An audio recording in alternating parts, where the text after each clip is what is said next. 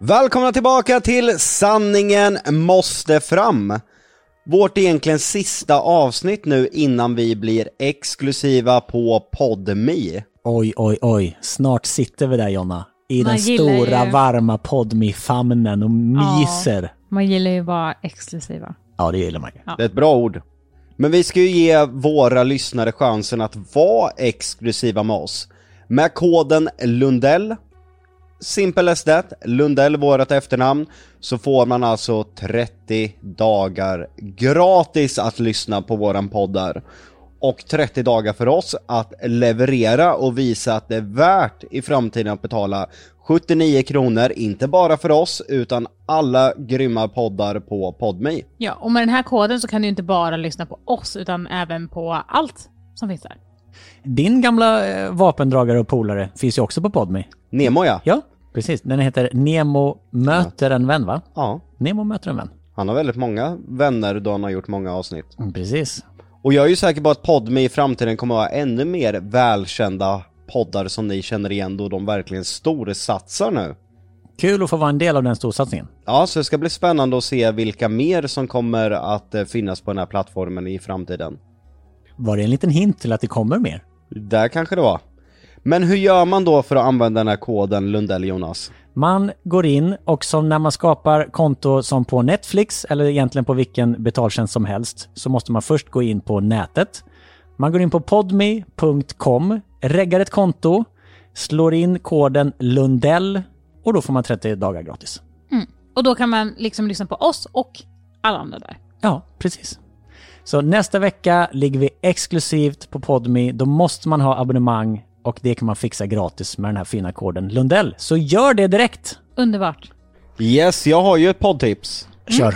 Och, och det grundar väl sig egentligen i en aktivitet eh, du och jag eh, testade Jonas. Eh, jag, jag kom väl in på något jävla spår sen på en liknande podd egentligen. Vilken av alla aktiviteter som du och jag utövar tillsammans menar du? Nej men det, det är en podd då, där det är en eh, kille i 25-årsåldern kanske, jag tror att han är bosatt i Tjeckien någonstans. Eh, och han åker omkring och eh, träffar gamla gubbar som får pissa på honom, och då spelar han in eh, ljudet från det. Varför? det? Varför är det gamla gubbar? Är det för att det liksom kan vara lite svårt att få ut det eller? Ja precis, det blir ju lite mer content än en ungtupp som inte har några problem att, att få ut kisset. Och varför liksom. drar, varför drar du den parallellen till dig och mig? Det, det, det tycker jag är lite, jag lite oroväckande. Vad menar du att vi gör? När inte jag uppenbarligen är medveten. Nej men när vi var och spelade paddel och jag pissade på dig i duschen efteråt. Jag vet inte om du märkte det, men jag gjorde det kändes ändå som att Det var därför det blir extra varmt på benet. Ja, när du eh, schamponerade håret så passade jag på att pissa dig på låret. ja men det känns som vi har testat det i alla fall. Ja, Okej, Nu vet du att vi har testat det. nu har vi testat det och det var väl eh, då uppenbarligen inte en lika stor upplevelse för mig som dig. Nej men nu vet jag om att vi har testat det i alla fall. Nu, nu är det helt plötsligt en gruppaktivitet. Ja, vad härligt. Eh, säg till nästa gång så jag kan vara med, med mer och kanske även ge tillbaka. Ja, det hade varit trevligt faktiskt. Men du har lyssnat på den här podden? Young guy likes to take a piss from old guys. Yes. Så heter den. Fan. Sen någonstans vid avsnitt 20 så besöker han ju ett ålderdomshem och jag tror han spelar in 15 eller 16 episoder där. Och alltså det är rajtan tajtan alltså kan jag säga. Ja, det hör man ju. Skit i det nu, så gör vi våran podd istället.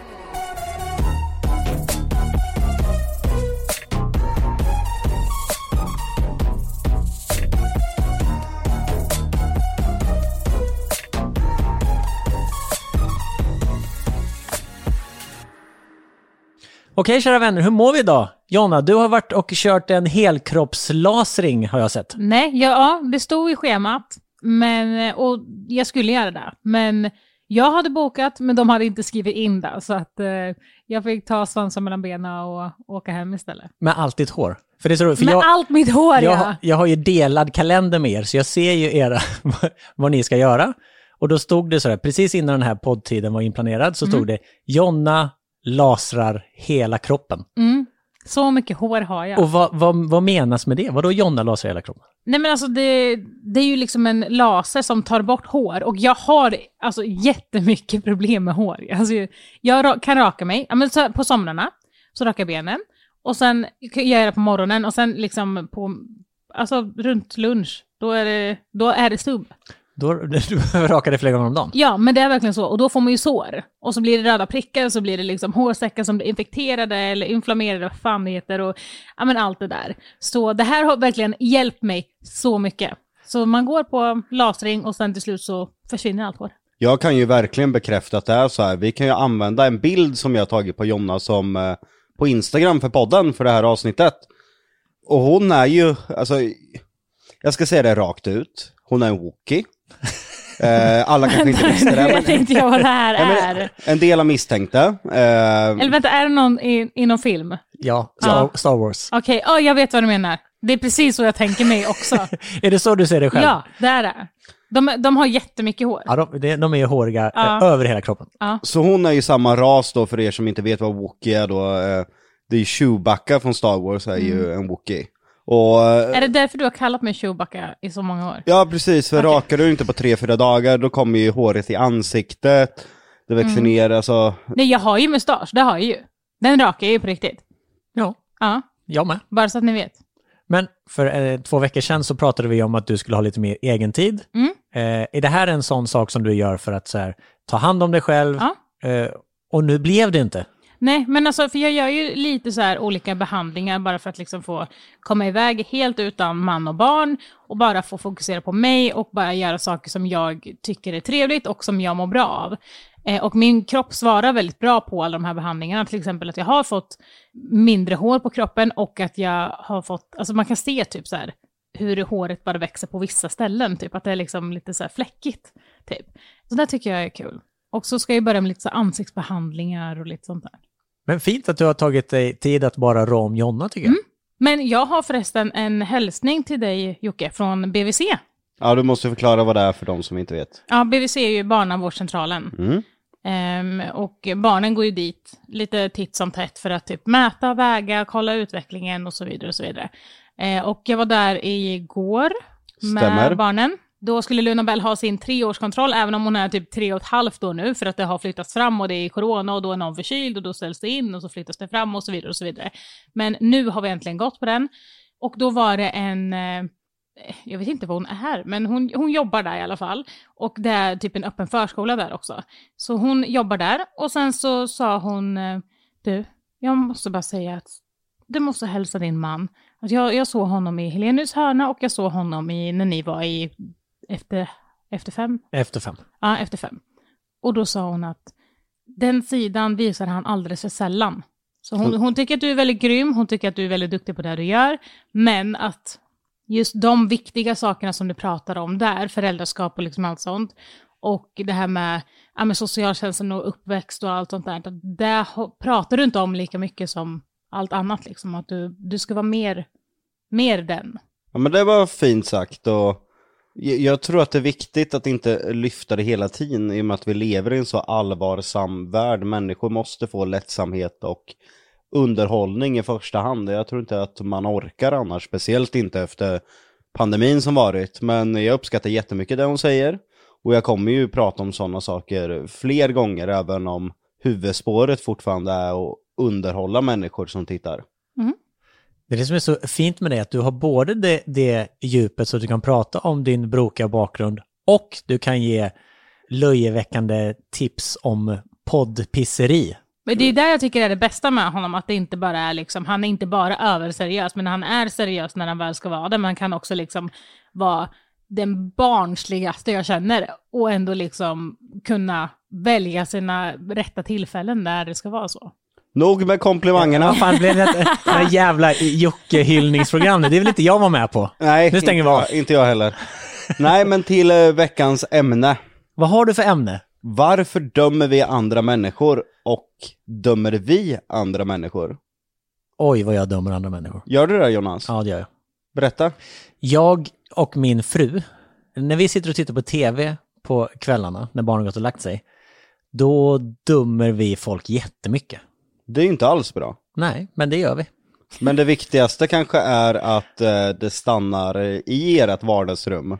Precis. Och, Och, det är att ni det som kanske är... gör det utan barnen. Ja, givetvis. Vi gör det utan barnen, men vi har liksom den jargongen att om vi ser eh, en person på tv som är lite, eh, som verkar lite koko eller är liksom ja, någonting där det inte, kanske inte helt står rätt till, så kan vi bara titta på varandra och börja skratta. Och det är en väldigt fin, den där kopplingen är väldigt fin att ha tycker jag. Men jag, jag tror att, eftersom att jag känner er också, så jag, jag, ser, jag ser att ni kan göra det här, men det känns också som att om ni hade träffat den personen i verkligheten så hade ni inte alls tänkt så om den, utan att då hade det varit så här, hej, vem är du? Och sen hade ni lärt känna personen. Verkligen. Så ändå så tycker jag inte att det du säger stämmer, för att ni dömer ju bara där ni ser där, men hade ni träffat personen så hade det inte varit liksom, oh shit, det där är den där puckade jäveln på tv. Nej, så är det. Det är väldigt ytlig eh, eh, dummande från tv-soffan. Mm. I IRL så är vi väldigt, eh, vad heter det? In, intagande och... Eh, Exakt, ni är ju mer så än vad jag är. ja, det är vi nog. Ja. Men jag tänkte säga ett påstående, så får ni eh, säga om ni tycker det stämmer eller om ni vill avfärda det helt. Jag skulle vilja säga att döma andra människor är egentligen hela grunden för nästan allt näthat som existerar. Alltså, att döma någon, det är egentligen att utgå ifrån vad man tror. Och just det är ju ett så farligt ord, vad man tror. Skulle alla människor sluta skriva vad de tror och enbart egentligen kunna gå på sånt som är fakta, hur mycket näthat tror ni hade försvunnit från nätet då? Jättemycket. Men jag, tror ju också att en stor del av näthatet består av eh, avundsjuka. Men alltså det där är också så jag, alla människor dömer för att det, allt de ser och allt de känner, allt de gör är en bedömning av vad de ser, hör och gör och allting sånt. Men det är en sak att, att bara hålla den första inom sig själv och bara så här, ah, shit, den där personen verkar inte så jävla nice, okej, men då hänger inte jag med den, that's it. Men att liksom behöva skriva det eller utgå från att man har sett ett klipp på tre minuter på, ja men, någon YouTube eller någonting sånt och bara så här, den här personen är så här. Men jag tror det är att, ju en helt annan sak. jag tror att eh, anledningen att vi dömer folk så fort har någon slags grundläggande överlevnadsgrej. Ja men exakt, det är ju det jag menar, man dömer ju allt För jag- och alla hela tiden. Ja, men jag tror att det, precis det som du säger där är jätteviktigt, att man håller den där första dömande för sig själv. För jag menar, om man går på stan och så möter man någon som beter sig jättekonstigt och verkar liksom, inte vet jag, drogpåverkad eller går med liksom en skruvmejsel i handen eller vad som helst. Då skiter man ju inte i att döma den personen och bara åh, öppna armar, det här kanske är en jättetrevlig själ. Det kanske det är. Men din, din direkta reaktion är ju så här, okej, det här kan vara fara och färde. Exakt. Det är ju så man reagerar oavsett om man tänker eller inte. Men sen när du tänker, då är det ju någonting som du försöker slå bort för att inte tänka så. Men så du reagerar är ju en bedömning av det du ser. Och det är ju överlevnadsinstinkt. Ja, jag tror att det är viktigt att kunna urskilja att liksom dumma ytligt och att faktiskt dumma nå någonting som är viktigt. Om du förstår skillnaden. Medan ni pratade här nu så tog jag mig friheten då att gå in på Facebook. Så tog jag Aftonbladet Nöje som handlar om medianyheter och nöjesprofiler. Och det tog mig ungefär 30 sekunder då att komma till ett inlägg som handlar om eh, Gina Dirawi. Som Aftonbladet Nöje har delat från hennes medverkan hos Karina Bergfeldt. En talkshow då på SVT. Och eh, direkt så ser man kommentarer som intresseklubben antecknar, vem fan bryr sig, eh, posta riktiga nyheter, eller ingen bryr sig. Då har alltså en person gått så långt att eh, den eh, ser sig själv företräda alla människor. Och sedan om man scrollar ner lite, oj vad synd om stackaren, en rastlös vilsen själ med beslutssvårigheter. Mycket viktiga nyheter, Aftonbladet lite sarkastiskt, ironiskt där. Tur att jag inte läser den tidningen. Men ändå har då Eva, som personen heter, varit inne och kommenterat det här. Hon kan flytta, har jag ingenting emot, eh, säger Lena, bara hon inte visar sig i tv-rutan. Sen kommer kommentaren, Karina, vem bryr sig? Och det var alltså, majoriteten utav kommentarerna här var ju negativa kommentarer. Då har människor tagit sig friheten att eh, bedöma då vem Gina Dirawi är som person. Antingen så har de baserat det på andra nyheter eller enbart det här reportaget. Och hur många promilleprocent, om ens det, är det här reportaget av de åren Gina Dirawi har levt? Men varför tror du folk ändå tar sig den tiden att eh, först vill hävda att de inte har följt och inte vet vad det handlar om, men ändå känner att de vill skriva. Det måste ju bara vara för att sprida negativ energi. Varför tror du folk tar sig den tiden och den friheten att göra det? Jag tror att människor mår väldigt dåligt i grunden. Jag tror inte att man kan må så bra själv om man måste kommentera andra. Jag tror att man har något Say hello to a new era of mental health care. Cerebral is here to help you achieve your mental wellness goals with professional therapy and medication management support. 100% online. You'll experience the all new Cerebral Way, an innovative approach to mental wellness designed around you. You'll get a personalized treatment plan from a therapist, prescriber, or both in a safe and judgment free space. Your Cerebral therapist or prescriber will outline a customized plan with clear milestones along the way so you can get to feeling your best. With Cerebral, you're not alone in your mental health journey. We're here to empower you to live a fulfilling life. So take that first step towards a brighter future and sign up today at cerebral.com slash podcast and use code ACAST to get 15% off your first month. Offer only valid on monthly plans. Other exclusions may apply. Offer ends July 31st, 2024. See site for details. problem i sitt liv att man inte kommer framåt. För jag tror att alla människor som kommer framåt i sitt liv har för stor fokus på det för att kunna ens reflektera över andra eller få den här, precis som du sa, så finns det ju en avundsjuka i grunden. Kanske också en oförstående, för det är väldigt mycket äldre människor. Det här är alltså inte yngre människor som hänger då på Aftonbladet Nöjes Facebook-sida, utan jag pratar 50-60. Att man kanske inte hänger med i det nya medielandskapet och därför känner sig exkluderad och därför ska förlöjliga och förminska yngre tv-profiler. Tror du att de får någonting ut av det då? Tror du att de mår bättre när de, när de har lagt den där kommentaren? Ja, tillfälligt kanske just för de sekunderna där, där man fick eh, tömma ur sig någonting man kanske håller inombords. Fan, man skulle vilja prata med någon av de där. Man skulle, det skulle man göra. Det finns ju ett program som heter Trolljägarna, där en programledare åker runt och liksom eh, konfronterar näthatare. Men man skulle vilja fråga sådana liksom vanliga människor som bara, varför skrev du den där kommentaren? Vad, vad fick dig att göra det och mår du bättre? Jag tror ju inte att jättemånga hade jag tror att man bara gör det av rena farten. Eller Ja, tror du men- att de är onda och liksom går in med inställningen att förstöra? Jag, jag tror ju att det bara kan vara en sån här grej. De, de kanske har beställt någon mat, alltså hemkörning. Sen har de fått fel beställning. Och då behöver bara så här, du vet, skicka iväg den kommentaren och då känns det lite bättre. Men förstår ni vad jag menar? Att det kan vara liksom en sån liten grej, eller att kaffet är slut. En sån liten vardagsgrej liksom som gör att man behöver bara, du vet, slå näven i väggen lite eller putta ner någonting. Alltså, förstår du vad jag menar? Att det är bara så här, den lilla grejen som man bara behöver avreagera sig. Fast det är ju så jävla fult. Och som Jocke säger, att det här är ju, alltså, det här är ju vardag för oss. Det är ju som att det kommer massa artiklar och sen är det också att folk som skriver de där artiklarna, de bara, vem fan bryr sig? Man bara, men genom att du skriver där, då kommer det komma upp ännu oftare i ditt flöde för att du fucking kommenterar det hela tiden, din idiot. Folk förstår inte den algoritmen. Nej, man, exakt. påver- man påverkar ju algoritmen genom att integrera med innehållet. Och algoritmen kollar ju egentligen vilken reklam du tittar på och vilka nyheter och inlägg du integrerar. Och därmed sätter ihop ungefär som en best of CD-skiva. Ni vet såhär Mr Music samlat med de bästa låtarna.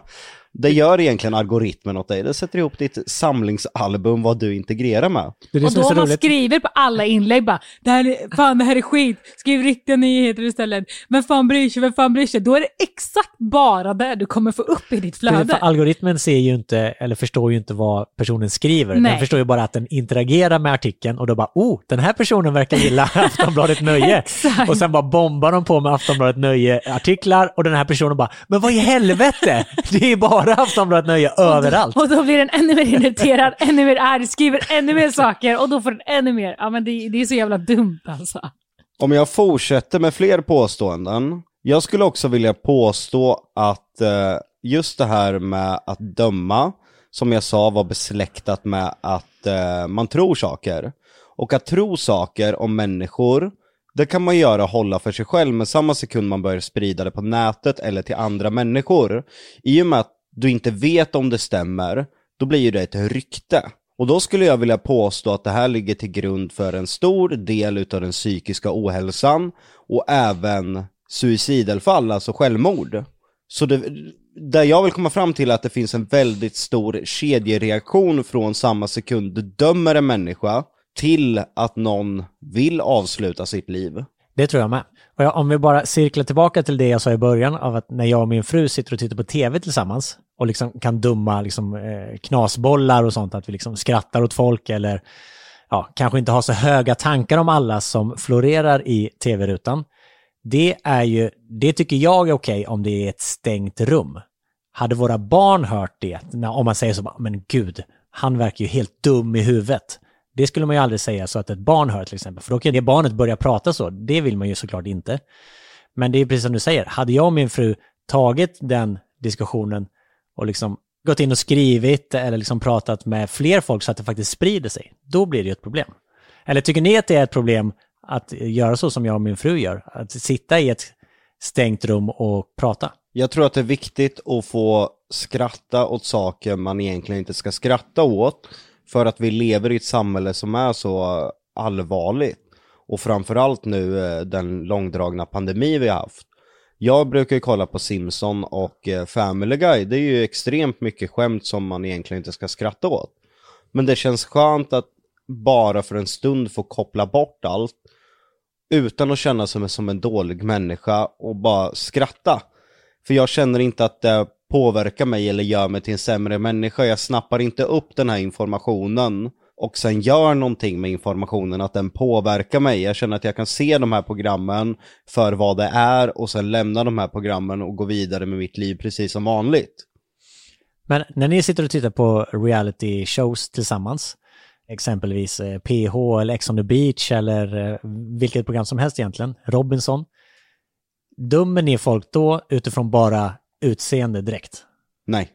Alltså jag tror att jag och Jocke är lite, lite övertänkare där. För att vi är mer så här, okej okay, den här beter sig på ett väldigt märkligt sätt, undrar vad som ligger bakom där. Och då försöker vi tänka istället varför personen beter sig så. Förstår du vad jag menar? Att det här, mm. okej okay, det här är, det är någonting som inte står rätt till där. Det har hänt någonting för att den beter sig så här. Sen är ju vi inom tv, eh, både du och jag jobbar ju som producenter Jonas, så vi vet ju saker som andra kanske inte vet. Till exempel där många reagerar på eh, Paradise Hotel är att folk kan gråta när de har träffat en människa per dag. Och då ser man en artikel så här, tårarna när bla bla fick lämna och sen är det massa kommentarer till exempel via Facebook eller Instagram hur korkade och pantade de här människorna är som kan gråta för någon de knappt känner. Och där är jag mer förstående i att när du tar en människa och sätter den i en bubbla så går det otroligt snabbt innan den här bubblan blir ens verklighet. Och i den bubblan så kommer allt bli förstorat. Alla bråk blir förstorade, alla känslor blir förstorade, allt. Och det går otroligt snabbt. Men jag tror tillbaka till just att döma människor, att det ligger i människans grund att göra det, utan att man egentligen reflekterar över det. Men jag tror att man måste ha ansvaret att förstå, kanske tänka så här: okej, okay, jag kommer säkert döma människor tusen gånger till, men påminn dig själv varje gång att det stannar inom dig själv och att du påminner dig själv varje gång att du inte ska döma människor. Till exempel, jag kan ju minnas människor jag har dömt och du är faktiskt en av dem Jonas. Såklart. Även om jag inte äh, sa någonting till dig. Men jag kommer Det vore ju helt sjukt om du hade sagt någonting, i och för sig. Första gången vi träffades var ett möte för eh, serien vi hade, familjen Lundell. Och då var du med, din kollega och sen Henke Boman då som skulle vara inslagsproducent och sen lite kanalmänniskor. Och alla andra var väldigt ledigt klädda i rummet förutom du. Du var eh, liksom uppklädd. Du hade liksom eh, lite backslick på håret, du hade liksom kostym på dig. Och då tänkte jag direkt bara, vad är det han försöker bevisa? Är det liksom att jag har en hög position på mitt jobb och därför måste liksom sätta mig på lite höga hästar? Och eh, första tiden med dig präglades väldigt mycket utav eh, av kavaj. Det, av det första intrycket. Men jag har ju alltid kavaj när jag är på kontoret. Okej. Okay.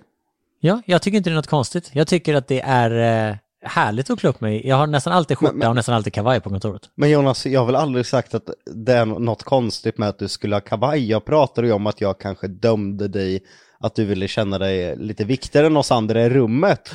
Jag har väl aldrig sagt att du inte får ha kavaj på kontoret eller att det vore något konstigt. Nej, nej det vet Det var jag. jävla Jag, försvarsläge jag, in, jag vet inte varför, jag gick in i försvarsställning direkt. Okej, ja men den... Eh, ja, du, du, är, du är väldigt fin i kavaj. tack. Du dömde mig i alla fall direkt när du såg att jag hade kavaj. Ja, alltså undermedvetet. Och det är ju självklart, eh, när man kommer in i ett rum så försöker man ju registrera av vilka är de här människorna i rummet. Och då får man ju en första tanke, ofta baserat på utseendet. Och då tänkte jag, han tror väldigt mycket om sig själv. Tänk att det ändå... Stämde. Nej, Nej, det gör det ju. Han tror ju väldigt mycket om sig själv och det, det får du ju göra för att du är ju... Nej jag tycker inte att han tror så mycket om sig själv. Jag tycker att han Jo. vet att han är kompetent på Ja sitt men, det, arbete. ja men det är inte att man tror om sig själv, eller? Alltså jag menar ju inte att du han, inte... han att du vet sin tror... kompetens, men jag tycker han är väldigt eh, down to earth däremellan Ja måste men jag det, ändå var, säga. det är ju det jag menar. Att han, han tror om sig själv och det ska du göra för att du har det. Förstår du vad jag menar? Jag förstår. Men tror du att det... För att du dömde mig på det sättet, är, är det för att du anser att folk som har kavaj och kostym på jobbet är lite för mer? Hade en annan, eh, till exempel en eh, annan som kanske jobbar lite mer på kontor och mer van vid det, kanske istället dömde någon annan som satt med en hoodie i mötet? Förstår du vad jag menar? Det är ju dina, det är ju dina privata preferenser som gjorde att du dömde just mig. Väldigt intressant tanke faktiskt, eh, men jag tror inte riktigt att det var så, utan mer att du var den som stack ut i eh, klädkoden i det här rummet, för det var ändå kanske tio personer i rummet, ganska många människor. Och du var den enda som såg ut som du skulle på en galapremiär precis efter typ. Det säger också mer om alla andra än om mig. Hur kan man inte ha kavaj på ett möte? Nej men jag tycker, jag, jag tror ju att dömande kommer ju från egna preferenser såklart.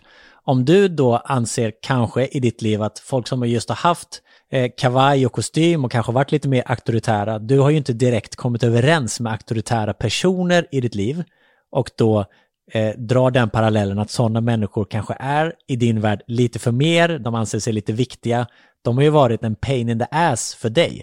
Medan du såg då Henrik Boman som kanske satt i en hoodie och du bara direkt, det där är ju min kind of guy med sådana kläder som jag har mer på mig.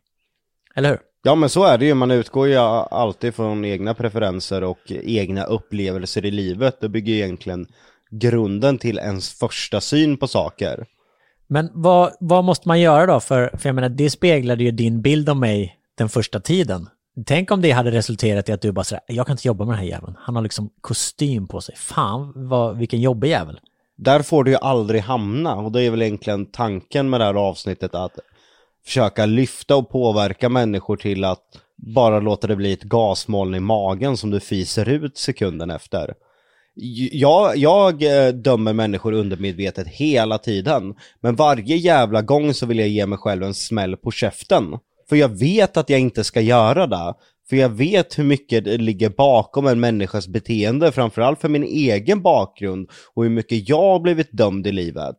Men jag tror att det spelar ingen roll hur mycket du själv har blivit dömd, hur mycket du egentligen hatar människor som dömer. Du kommer att fortsätta att göra det. Du kan inte få bort det där, för det är mänskliga naturen att hjärnan registrerar en första uppfattning som egentligen är baserat på ditt eget liv. Och egentligen vad du tror, det är ju en ren chansning. Jag har ju en sån där, en, alltså en personlighetstyp som jag inte går ihop med.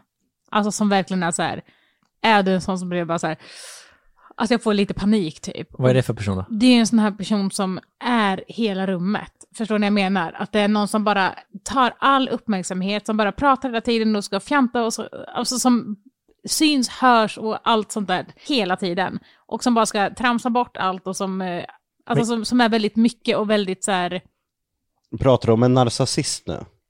Jag För vet både inte. det du sa nu, lite av det är ju jag och lite av det är ju Jocke. Nej, utan jag tror att Daniel mer är så.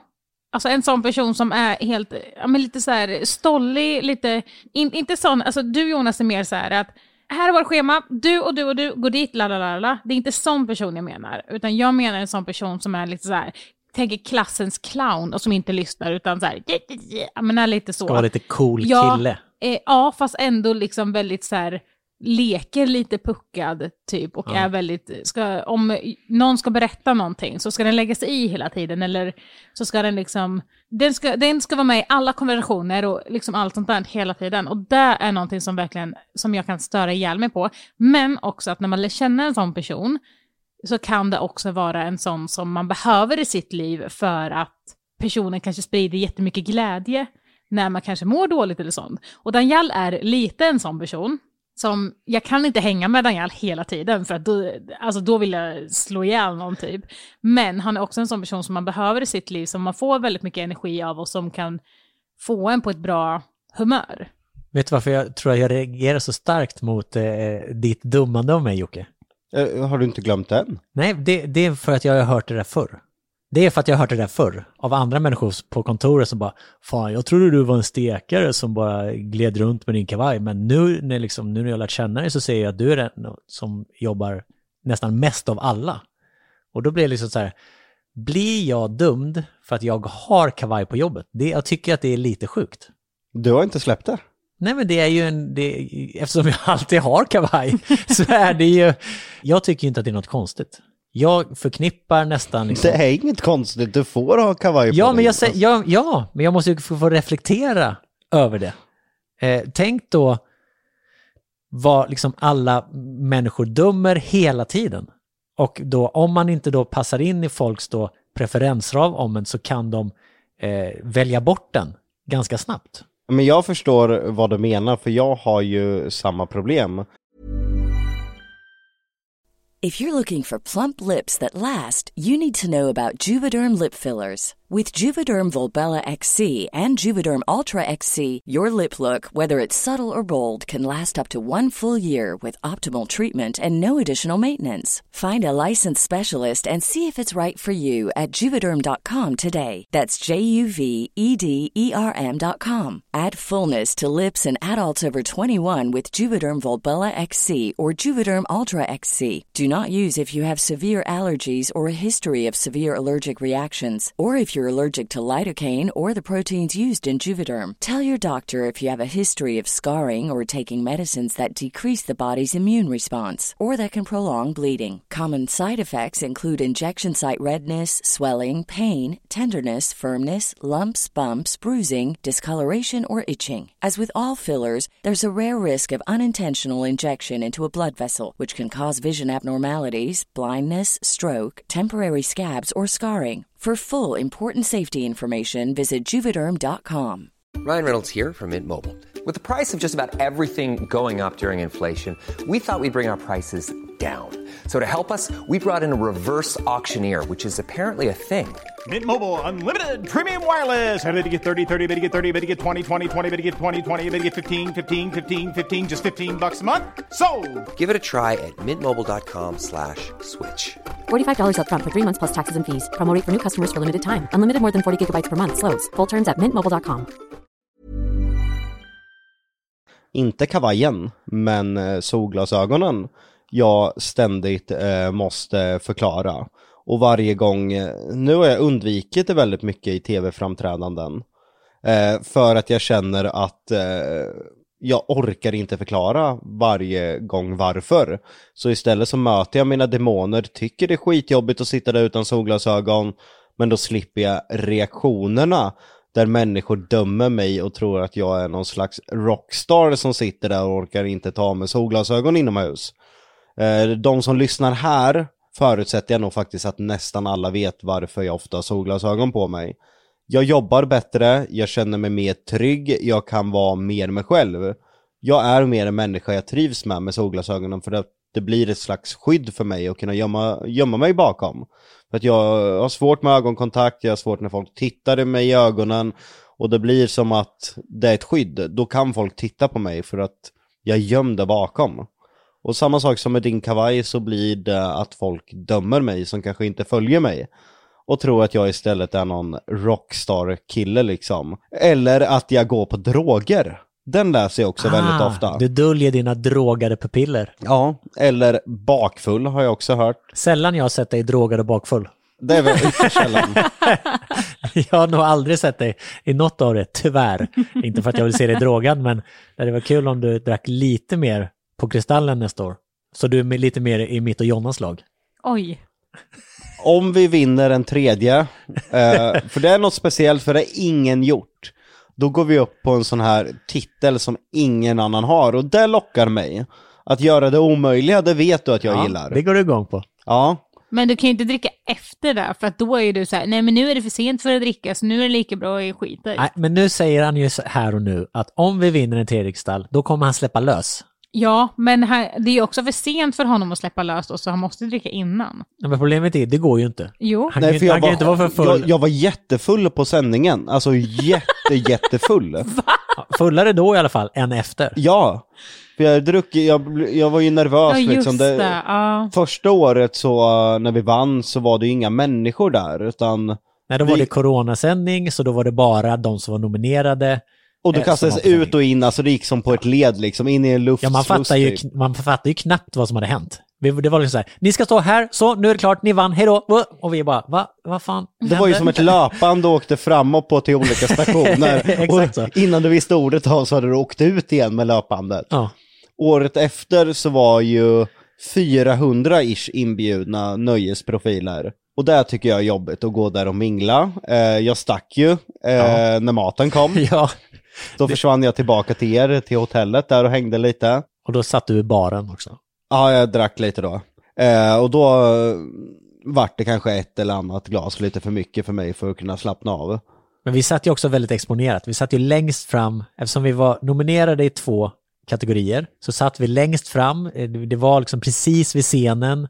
Alltså All- ni hade kameran på er konstant, Hela tiden. alltså ni Ja, var för, program, för programledarna stod, ju- de hade ju sin kameraposition, pre- Fyra nomineringar. fyra nomineringar, givetvis, med eh, bästa kvinnliga programledare och bästa manliga också. Plus eh, Hide and Seek och Spökjakt. Så fyra nomineringar, du har rätt.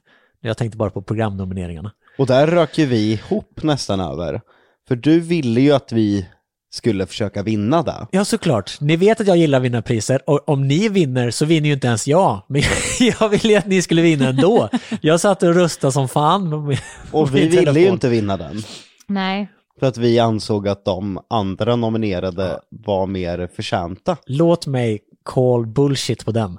Nej, jag tycker att de andra är Absolut. mer Ja, kompetenta. men du hade ju inte blivit ledsen om du vann. Jag hade haft blandade känslor. På riktigt hade jag det. Man är glad att folk röstar, att folk tycker så, men man själv kanske hade bara så här, ja fast nu tog vi det här priset från någon annan som faktiskt hade varit Ja, fast om det. ni hade vunnit så hade det ju varit för att folk hade röstat. Ja, men det, det finns tre steg eh, liksom utav lycka. Nej, Där det inte var- finns bara vinn. Det är den enda formen av lycka som finns. Jag hade inte skrikit rakt ut utav lycka som jag gör med spökjakt, för samma sekund spökjakt läses upp så vet jag, det finns inget snack om att det här programmet inte förtjänar att vinna. Det och alla andra program som ligger nominerade förtjänar verkligen att vinna. Och då är det ovillkorlig glädje som bara släpps ut. Hade jag vunnit årets programledare, det hade varit smog i bägaren. Smolk. Nej, det är smog nu. Det är sån här engelsk eh, dimma. jag, I min bägare. Du bestämmer inte Nej. vad det är i min Men bägare. jag dömer dig när du, när du säger sådana dumma saker. Bara så du vet. Ja, men nu vill jag smog i bägaren. det skulle det också kunna vara. Alltså smog, du ser ju inte ett skit i Nej. England. Samma som, du skrev, samma som du skrev igår när du ville att jag skulle vara lo, lomoken. Det var ju för Menar fan- du moloken? Det, det var ju ett autokorrekt fel. Nej, Nej, det finns ingen som heter lomoken. det vet jag Moloken Men då heter är det ju inte autokorrektat, för den autokorrektar ju inte till ett fel ord. Många gånger. Nej, det är klart den inte gör. Okej, fortsätt. Och då glömde jag bort vad jag skulle säga. men Nej, ditt men smog, Smog i bägaren. bägaren. det hade inte varit den där eh, segerrusiga glädjen. Utan det hade bestått av absolut, jag var glad för priset. Och lite skäms va? Ja, lite skäms och lite eftertänksamhet. Och sen hade jag inte kunnat kolla eh, David Helenius Nej. eller David Sundin i ögonen. Alltså I fucking feel you bro!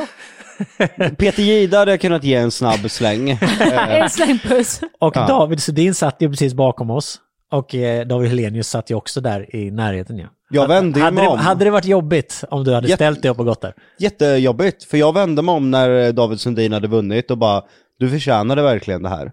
David Sundin är ju en otrolig programledare. Ja, Exakt. David Helenius också måste jag säga. Ja, båda Precis, två och är- därför kan inte vi ställa oss mot dem. Peter Jihde är också duktig, Han ska, vi, vi ska inte ta ifrån honom. Nej, Peter liksom. Alltså på gränsen med Peter Jihde är ett fantastiskt program. Och han var Otroligt jätteduktig när han ledde Idol också. Ja, det var ju i och för sig aslänge sedan. Men i alla fall eh, tillbaka till att, döma människor. Jag hade känt mig dömd på scenen om jag tog emot det där priset. Hade du känt då att alla i det här rummet tänker bara så det är bara för han har mycket följare?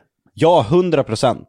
Och det hade tagit ifrån kanske spökjakt lite den segern och att snacket kanske hade hamnat om att okej, alla som har stora sociala medier vinner. Men så är det ju inte. Bianca förlorade ju mot Tarek Taylor i årets eh, tv-profil.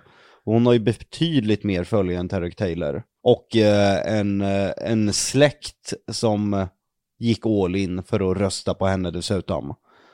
Så jag hade, jag hade blivit irriterad då, för då hade det blivit snack om någonting som inte stämmer. Ja, då hade det blivit så här, eh, spökjakt vinner bara för att eh, Jocke och Jonna får med sig alla sina eh, röster. Det vinner inte för att det är ett Exakt. bra program. Då hade det blivit dömt. Ja. Men sanningen att säga är att vi var i ett eh, jävla underläge. Med spökjakt menar du? He- Alltså hela Kristallen förra året, det var på SVT. Vi visste att våra följare kommer inte ens att titta på det här programmet förmodligen, för de följer inte SVT vid den här tiden på kvällen och väljer Kristallen. Medan Kristallen kommer ha från SVT med sig säkert 700-800 000 följare som alla är 50 plus. Som kommer rösta liksom på David Sundin, Karina Bergfeldt och Bäst i test. Så jag visste ju att vi hade ett sånt jävla underläge, fast kanske människans överlagsyn, det här dömande, ja men de har mycket följare, det är därför de vinner. Vi var en jävla minoritet där. Och jag tror att Spökjakt vann för att det är så många människor som tycker att det här programmet är bra. Helt enkelt. Det tror jag med. Jonna, när känner du dig som mest eh, dömd? Eller vad tror du att andra människor dömer dig för direkt när de ser dig? Ja, men eh, jag tror att de dömer både mig och Jocke som att, för det är jättemånga som kommer fram till oss som antingen typ börjar jobba med oss eller någonting sånt som bara, men gud, ni är ju jättejordnära. Ni är inte alls så som jag trodde. Man bara, nej, vad trodde du då? Och då är det ju det här ytliga, att vi, det är liksom, eh, ja men vi har ett stort hus, vi tjänar pengar, vi har, eh, ja men vissa flashiga bilar och så vidare och så vidare, men att liksom Vissa. och jag tänker så här, ja, att ställa, att ställa din Lambo jämte min Picasso, det... Din Picasso är för övrigt färdig på verkstaden och älskar. redo att komma hem. Det är helt. Jag var helt säker på att ni skulle skrota den där Ja, skitbilen. Nej, nej, nej, vi har Men lagat då den. tar du alltså och lägger mer pengar på att laga den Mm. än vad du gjorde för att köpa den. Ja, det, det, att laga den kostar nästan lika mycket som jag köpte den för. Men är det, är det något sådär eh, naivt sätt att hålla fast i någonting som känns liksom äkta? Du vill Men visa alltså, så här, det här är jag. Jag är en Picasso. Jag är ingen Lamborghini. Nej, men det är så. Och för att jag har köpt den, den är min, den är... Så, alltså, jag får plats med saker. Det är, liksom, det är så jävla svårt att förklara, men det är samma sak som med min husvagn. Alltså jag skulle gråta blod om jag blev av med min husvagn. Ja, men de betyder någonting för dig. Ja, alltså 100 procent. Det är verkligen så, ja. Och det är där som folk kanske tror att jag liksom, jag ska ha det dyraste för att det är det dyraste eller för att vi ska leva på ett visst sätt och la la la la. Men det är så jävla långt bort ifrån det som vi är. Även om du Jocke har en dyr bil så är du fortfarande väldigt, väldigt jordnära. Och det Jag reflekterar lite nu när du säger det runt bilen och försöker självkritiskt se om det finns något annat förutom att jag är väldigt bilintresserad och tycker det är superkul att både äga och åka en sån bil. Och jag tror att det är någonting som gör att folk inte kan ta ifrån mig min resa. Ja, men, För, för vad en folk tänker, tycker, I still own a Lamborghini liksom. ja, men jag tror ju att det väldigt många dömer dig om, eller eh, tror är en stor anledning till att du köper så många dyra grejer, är så här att han har haft ett pissliv, han har inte haft någonting, nu har han råd, så nu vill han flasha med allt han har råd med. Det, tror- det, är en ganska, det är en ganska snabb eh, analys av ditt liv tror jag. Alltså jag är van vid att folk ska förminska allt jag gör. Till exempel gör jag en film som går bra, då kommer det alltid finnas en grupp som säger ja men det var massor människor som gjorde jobbet åt honom. Gör en film som går dåligt, då är det bara jag som har gjort den helt plötsligt. så hur, hur det än går så finns det alltid en med och motsida. Gör jag musik som går bra, då är det någon annan som har gjort allting. Går låten åt helvete, ja men då är det helt plötsligt bara jag som har gjort den. Då är ingen annan ansvarig. Och då blir en flashig bil, och jag tror att det är därför jag går på just limiterade. För nu har jag köpt en bil det bara finns 500 av i världen. Betydligt dyrare än de tidigare jag köpt. Och jag tror att det är någonting att, säg vad fan du vill, jag åker fortfarande i den här bilen. Du kan inte ta ifrån mig dit jag har kommit idag. Och jag tror väl det är någonting jag gör för att påminna folk att jag faktiskt har kommit någonstans. Ja, Men du, vill, du vill ju trycka upp det lite i ansiktet på folk. Att se här, jag har i alla fall en Lamborghini. Ja, det, det har väl med att göra att min karriär alltid är lite längre, jag ska faktiskt inte göra mig själv till något offer på det här sättet för att de flesta idag försöker faktiskt inte ta ifrån mig det jag gör. Idag vet nästan alla att jag jobbar hårt, jag är duktig på det jag gör och människor tror på mig. Men jag tror att det lever kvar, backar vi tillbaka tre år så var det inte så. Och jag såg faktiskt någon eh, så här, undersökning på Instagram, ett väldigt stort konto som frågar vad folk tycker om influencers. Och jag- kommer ihåg alla sådana här grejer, för på något undermedvetet sätt så snappade jag upp det. Men för tre år sedan så hade jag 34% som tyckte jag var duktig på det jag gjorde, alltså populär influencer. Idag, eh, för några dagar sedan, hade jag 71%. Det har alltså mer än dubblats. Så på något sätt får jag väl alltså börja acceptera att folk kanske inte har den här fördomen mot mig på samma sätt som förut. Att jag inte är det här offret för en fördom på samma sätt. Men lägger det en annan press på dig nu? Förstår du vad jag menar? När man är underdog så är det ganska, liksom, då kan man bara liksom köra på. Nu när folk ändå förväntar sig att du är duktig, du är bra på det du gör, får det en annan förväntan på dig då? Ja, absolut. Eh, nu är det nästan åt andra hållet att folk förväntar sig att det ska vara bättre än vad det faktiskt är. Över en rimlig nivå. Men jag är samtidigt jättetacksam och jag måste fortsätta påminna mig själv att jag är inte ett offer för att folk i så stor skala längre ska trycka ner mig och ta ifrån mig det jag gör. Så jag kanske inte hade behövt en Lamborghini längre på det här sättet. Men jag har ju en också för att jag älskar eh, hypercars, alltså exotiska bilar. Och eh, det är ett nytt intresse jag hittat hos mig själv. Varför tror du att folk, alltså ändå den delen som ändå direkt avfärdar dig som bara, ah, men han har haft tur eller han har haft folk runt omkring som har gjort allt åt honom.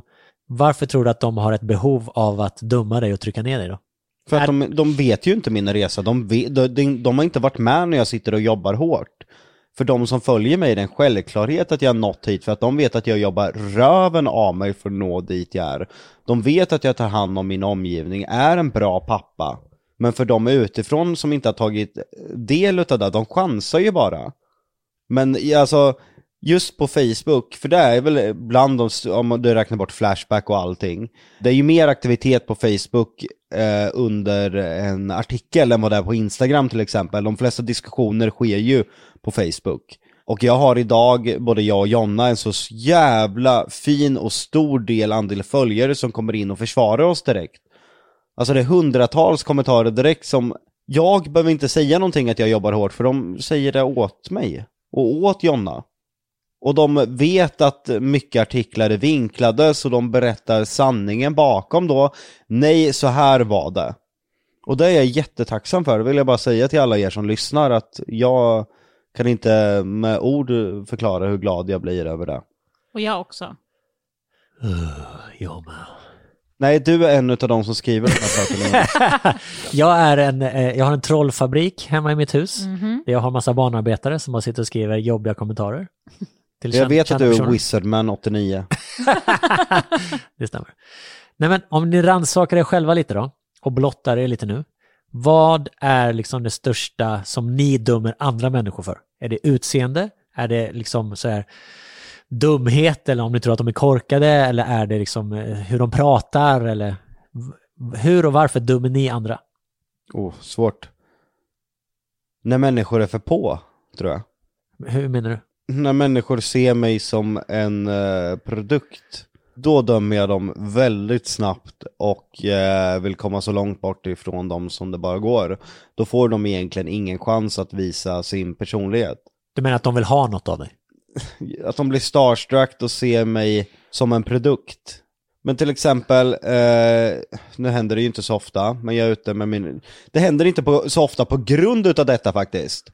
Jag är ute med mina vänner på krogen, jag träffar ju inte mina vänner så ofta i och med att jag jobbar väldigt mycket, jag träffar mina vänner jag jobbar med däremot ofta.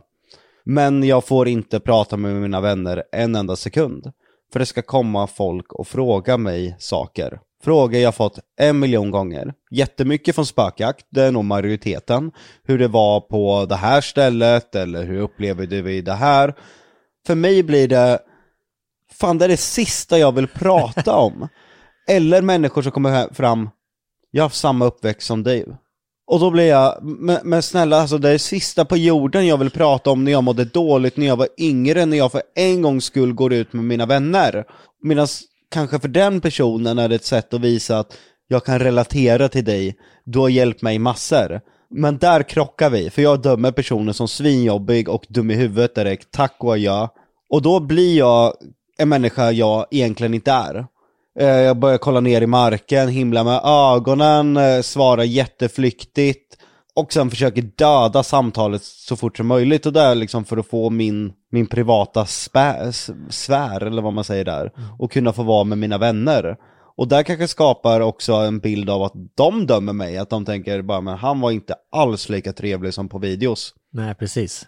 Och där står Joakim Lundell som har hjälpt mig så mycket. Nu ska jag faktiskt gå fram till honom och berätta hur mycket han har hjälpt mig. Bara, jävlar vad dryg han var. Ja, han Det brydde som att sig inte Han ville någonting. bara gå och dricka sprit med sina jävla polare. Fy fan vilket as han var. Svårt, Det blir en krock svårt- där. Ja men det är ju svårt det där ju. Den krock när jag inte förstår dem och de förstår inte mig. Och då krockar vi, då är det en frontalkrock liksom. När dömer du människor då Jonna? Jag vet inte, jag, har- jag satt och funderade medan du pratade, men jag vet inte. Men är det där lite klassens clown-kille eller tjej? Ja, men jag gillar ju inte, utan då blir det ju direkt verkligen så här, okej, du och jag klickar inte, var helst inte i närheten av mig överhuvudtaget. Du har svårt med människor överlag tycker jag. Ja, men det har, det har jag. Men jag är också, jag, kan, jag vill faktiskt ge mig en guldstjärna att jag är inte sån som dömer och håller på, utan jag försvarar till och med folk som jag inte ens känner för att folk inte ska döma dem. För det, jag går ju igång på när, när folk liksom skriver skit om ja, men, familjen Wahlgren och alla de där och alltså sånt. Fast jag inte har pratat med dem, jag känner dem inte eller någonting, men jag blir så jävla irriterad när folk ska döma folk hela tiden. Så eh, jag är väldigt noga med att tänka att det måste ligga någonting hos den, alltså något fel hos den personen som är det kanske att den hade velat eh, jobba med det de personerna jobbar med, eller hade den personen velat, ja men den kanske har suttit med samma jävla lön, inte liksom kommit upp eh, i jobbet eller så här, eller inte ens gått och frågat om löneförhöjning och så vidare och så vidare. Och sitter där och bara så här, gör samma sak dag ut och dag in men inte gör någonting åt det. Och då måste den liksom hoppa på någon annan som kanske ja, men, bara går som en trappa upp med i livet hela tiden med, ja, men med familj och barn och kan göra liksom allt som den personen har drömt om. Ja, men, men jag vet inte. Tillbaka till det du sa förut, för det- stämmer verkligen. Vi sitter ju på kvällarna och diskuterar runt huruvida kanske någon i en realityserie eller någon vi har läst om beter sig på ett visst sätt. Och försöker förstå det. Jag tror att eh, det är väldigt viktigt att vi hela tiden påminner varann. Vi kommer aldrig bli perfekta människor, men det vi kan göra är att ständigt påminna oss själva och ge oss själva en bitchlap när man gör tvärt emot vad man egentligen vet att man ska göra.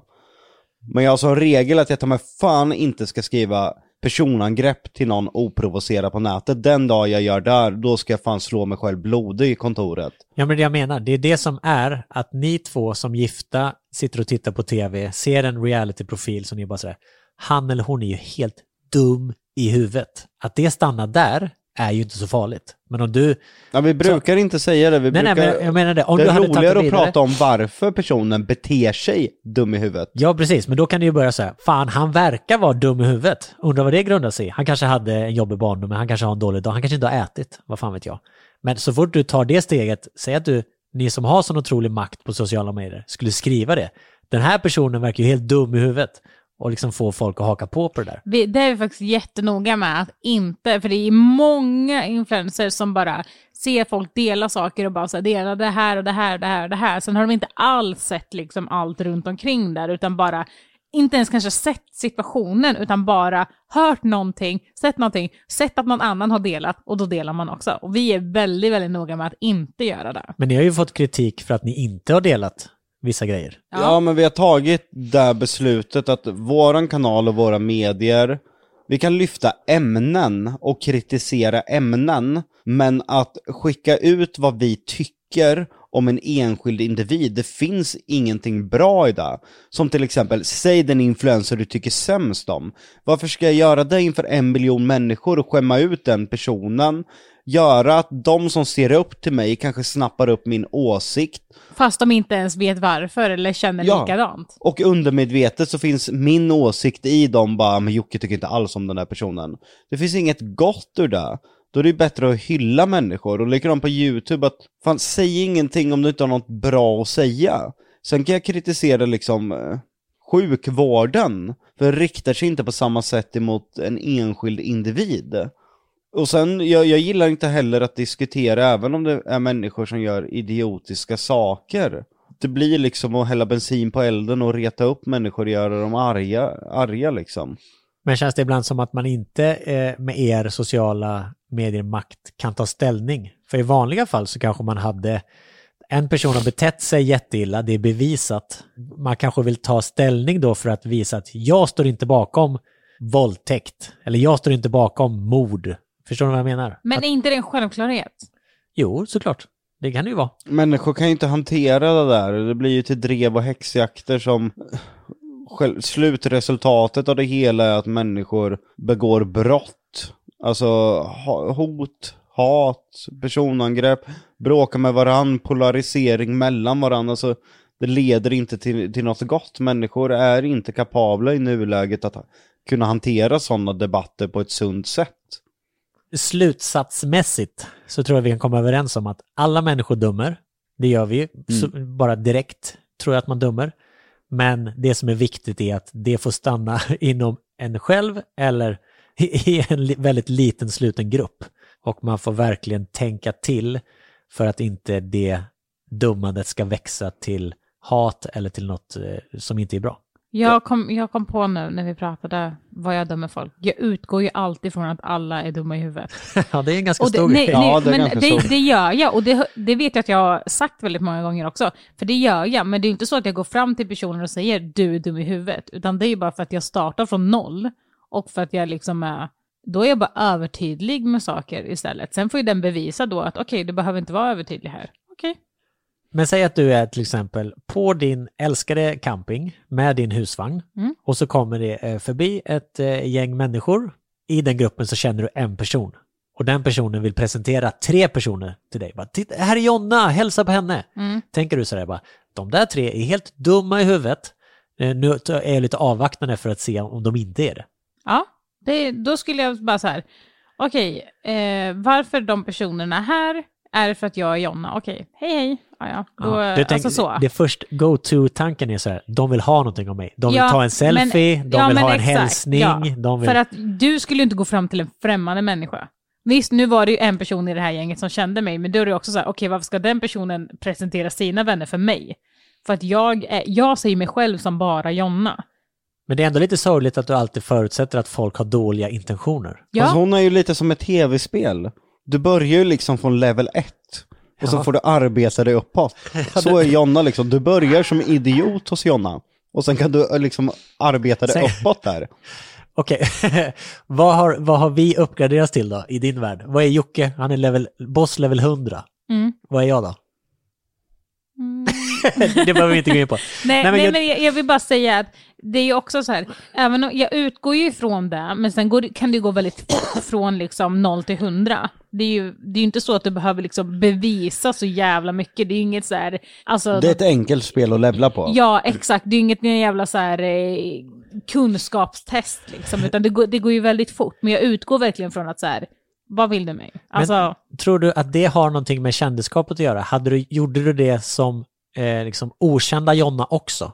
Eller är Nej. det ett... Jag tror att det är en blandning mellan eh, kändisskapet, att alla som kommer fram tänker jag bara så här, okej, ja, Vad vill de nu ja, då? men exakt. eh, och att jag har väldigt svårt att lita på folk. Och då blir det också så här, jag sätter dem mot väggen lite. Är du samma Jocke, när, när några kommer fram, tänker du så här, okej, Jag är tanke nummer lite trevligare än Jonna, Ja. eh, men jag är fortfarande reserverad. Men det är ju också, jag är inte otrevlig, men jag är inte trevlig. Eh, nej, du sänder ut en aura utav Ja, otre- trevlighet exakt. så du behöver inte vara otrevlig. Nej, precis. Men det vill jag Du sänder ut en aura av att eh, vara kall, inte Ja, bry dig. liksom. nej, ja, men jag sänder nog ut en aura så här att eh, kom, kom inte till mig om du inte vill. Ja, men alltså, det är Du är som en morrande hårt. hund. Ja, men jag är inte otrevlig, det vill jag ändå. Jag, skulle, jag säger inte så här, stick iväg eller någonting sånt, utan det är bara så här att jag kanske inte är så jävla inbjudande. Det hade faktiskt varit bättre om du hade sagt stick iväg. För det är ännu mer obehagligt med den där auran. Den där tysta, obehagliga, kalla Ja, auran. jag är lite, inte inbjudande och lite upptagen. Ja. Det är jag. Men vill ni som lyssnar, ni kanske känner Komma att ni... fram till mig så gör det inte det. Jag skojar bara, jag skojade. Ja. Nej men eh, ni som lyssnar som kanske känner att ni dömer andra människor och så, så finns det faktiskt bra kognitiva sätt att arbeta bort det. Att ständigt påminna sig själv när du ser någonting och sen börjar du tro någonting. Att då tänka hur mycket vet jag egentligen? Lägga upp en lista på hur mycket du egentligen vet. Och är den listan väldigt kort, släpp den där tanken med vad du tror. För då kan det vara, egentligen sanningen kan vara motsatta. Så ständigt öva dig själv och försöka förstå andra människor utan att utgå ifrån dig själv. Och är det så att det kliar i fingrarna att man måste kommentera någonting så här elakt eller någonting. Klottra på väggen hemma. Nej, gör inte det. Men tänk då så här att okej, intresserar det här mig, det här nya tv-programmet eller den här personen som beskrivs som? Nej, okej, scrolla vidare tills det faktiskt kommer någonting som intresserar dig istället. Än Ja. att lägga liksom den här negativa energin på någonting. Utan ta liksom din positiva energi då att lägga på någonting annat istället. Yes. Självhjälpspodden blev det precis. Och nu vill jag att Jocke ska ta av sig mössan och eh, visa Jonas sin frisyr. Men vänta lite nu, vadå då? Är det en överraskning? Ja, Luna Bell har färgat mitt hår. du skojar du? Nej, det är sant.